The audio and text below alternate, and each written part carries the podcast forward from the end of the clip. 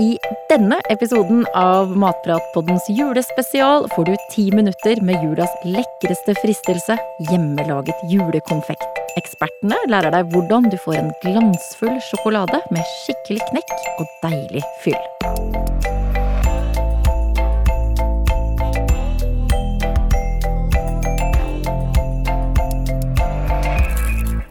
Jeg heter Katrine Ude, og med meg i dag så har jeg matekspertene Anette Fjelleng Hansen og Therese Elstad. Hei! Hallo! Jeg har aldri lagd hjemmelaget uh, julekonfekt, uh, det må jeg bare innrømme. Heller ikke temperert sjokolade. Og jeg har en følelse av at det vi skal høre om nå, er litt avansert. Bitte litt. Vi legger jo lista litt grann høyt. Men hvis du skal ha sånn skikkelig fin konfekt, som du kan servere enten til gjester i selskapet eller bare kose deg sjøl, så er det avgjørende at du tempererer sjokoladen. Hva vil det si? Hva innebærer å temperere? Altså, det du gjør når du tempererer, da eh, på en måte rokker du opp, og så samler du eh, fettkrystallene som er i kakaosmøret, til sånne lange kjeder i, i sjokoladen. Eh, lange kjeder, nå er du inne på liksom kjemi? Ja, ja, jeg skal ikke gå så langt inn på det, det men, men, hovedgreia er jo at du eh, jobber deg opp og ned i temperatur, som jeg skal snakke litt om, eh, og eh, du får da eh, Med å gjøre det, da, og temperere den, så får du en sjokolade som stivner veldig eh, kjapt, og den blir veldig glansfull, og den blir veldig Altså, hvis du gidder å gjøre det, da, gidder å temperere og sånn, så får du en veldig glansfull og fin sjokolade som får sånn ordentlig sånn, sånn skikkelig knekk.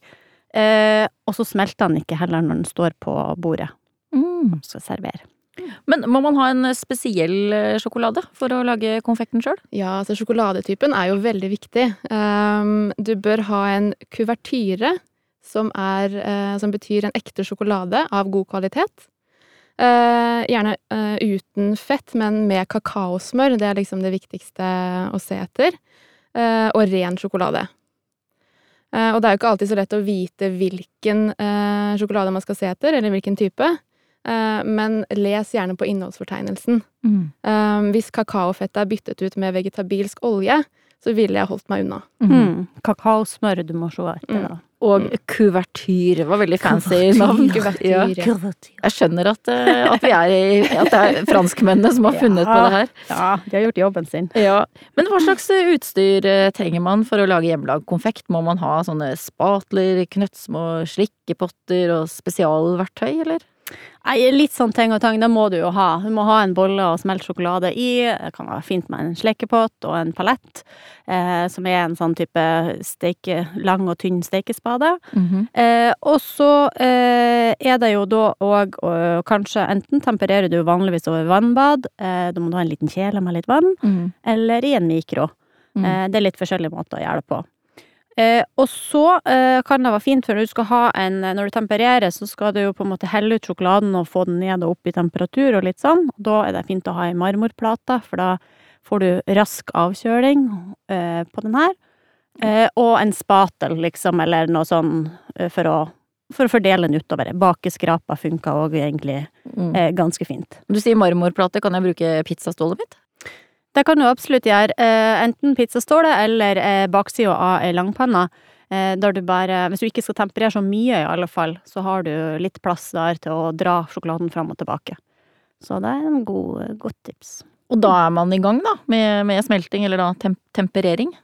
Ja, men før du begynner med temperering, så er det viktig å tenke på fylle. Det kan det være veldig lurt å ha klart på forhånd, sånn at når du er ferdig med tempereringen, så er det bare å dyppe det eller gjøre det du vil med den sjokoladen.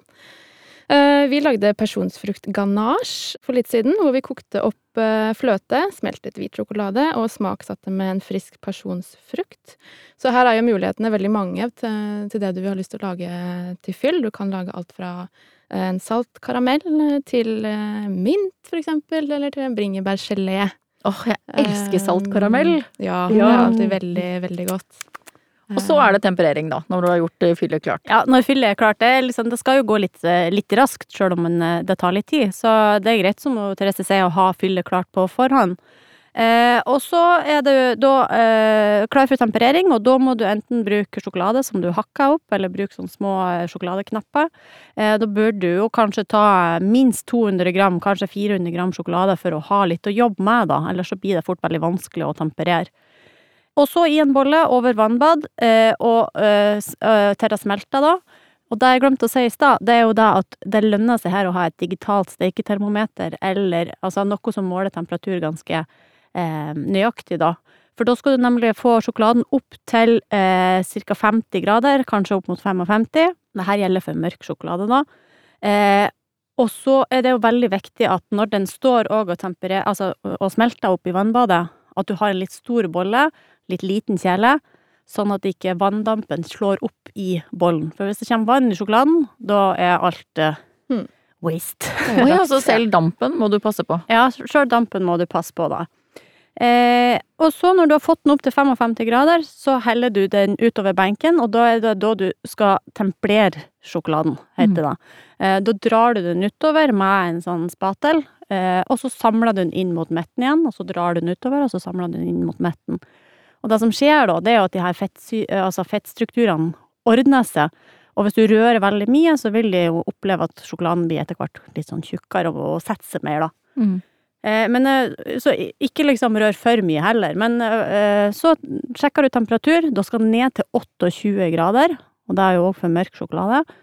Eh, 28 grader før du tar den tilbake i bollen, og så varmer du den opp helt, helt forsiktig, da. For da, den, eh, da den, skal den opp til 31-32 grader. Og helst ikke over, da. Mm. Den kan jo også varmes opp igjen eh, hvis den har blitt for kald. Men hvis du kommer over 34 grader, så må du temperere den på nytt igjen. Da må du gjøre hele prosessen en gang til. Mm. På, prøv å holde den på 31-32, så har du en fin arbeidstemperatur. Mm. Ser man på sjokoladen om den er klar da for å støpes i, i former, eller må man hele tiden måle?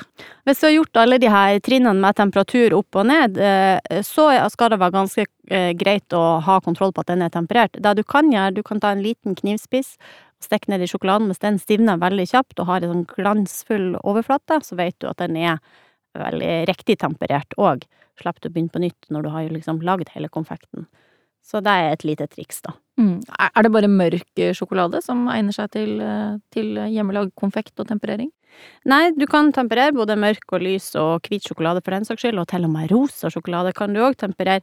Eh, Det du skal huske på, er temperaturen, for den mørke sjokoladen krever høyest arbeid, altså høyest temperatur både i tempereringa og når du nedkjøler og alt sånn. Mens du ligger én eller to grader under på den lyse og den hvite, eh, så er eksempelvis arbeidstemperaturen på hvit sjokolade 29 grader.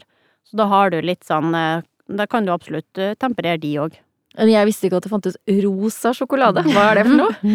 Jo, det er en eh, sjokolade som heter Ruby-sjokolade. Ruby? Ja, som er laget av naturlige rosa kakaobønner. Det fins faktisk. Det er ikke bare brune.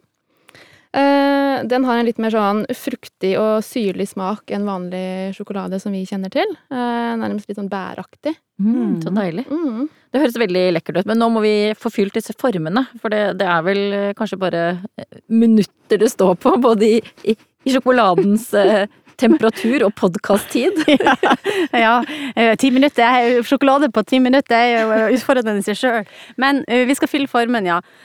Og da kan du jo dekorere med litt spiselig maling på, pensel nedi formene hvis du vil ha litt ekstra glam på de. Og så heller du all sjokoladen over, fyller forma helt.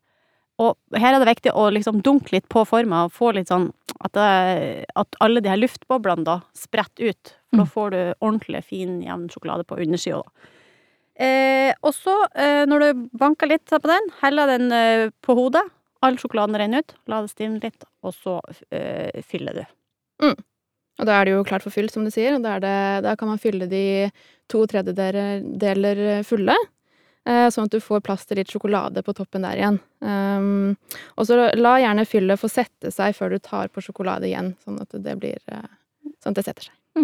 Og så kan det jo ligge en sånn bitte liten eh, overraskelse inni. Litt, eh, en liten Ja. nøtt, eh, litt, litt sånn Litt chili, kanskje. Wow. Litt spice. Eh, eller kanskje sånn popping candy. Mhm. Eller kanskje en ring. En ring. Å, En ring. Skal fri til noen, så kan du òg det. Må være veldig liten, men ja. Men for en eh, nybegynner som meg, som aldri har lagd eh, konfekt eh, før, får jeg det til med former, eller bør jeg kjøre på med litt sånn freestyle på bakepapir? Det trenger jo liksom ikke å bli perfekt form, når man, det er litt kult hvis det ikke er helt perfekt? Ja. ja. Er det ikke det? Si ja! jo, jeg kan si ja. det er helt riktig det, Katrine. Du skal få den. Former er fint når du skal fylle med fyll, men har du først temperert sjokoladen, kan den jo brukes til mye. Uh, dekorative sjokoladeplater, små pletter med pynt, eller sjokoladekanityr til pynt på dessert eller kaker, for eksempel. Mm. Jeg snek meg inn på Matpratkjøkkenet, jeg innrømmer det, da dere lagde julefilmer for litt siden, og da fant jeg et helt brett med sånne, altså de fineste små sjokoladepletter. Små, runde med lekker pynt på, så var det noe sånn nøtter, og så var det en sånn rosa crunch som var drysset over. Og så fant jeg til slutt ut at det var uh, frysetørret bringebær. Ja. Så det har jeg lyst til å få tak i, sånne har jeg lyst til å lage. Jeg syns jo frysetørket bringebær er skikkelig fint. Jeg har masse av det hjemme. Eh, det er jo ikke bare bringebær som, eh, som er frysetørket.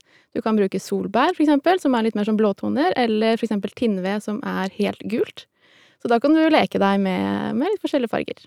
Har du lyst til å skryte av din julekonfekt, eller vise dine pynteskills, så tagg oss eller bruk hashtag matprat. Vi snakkes!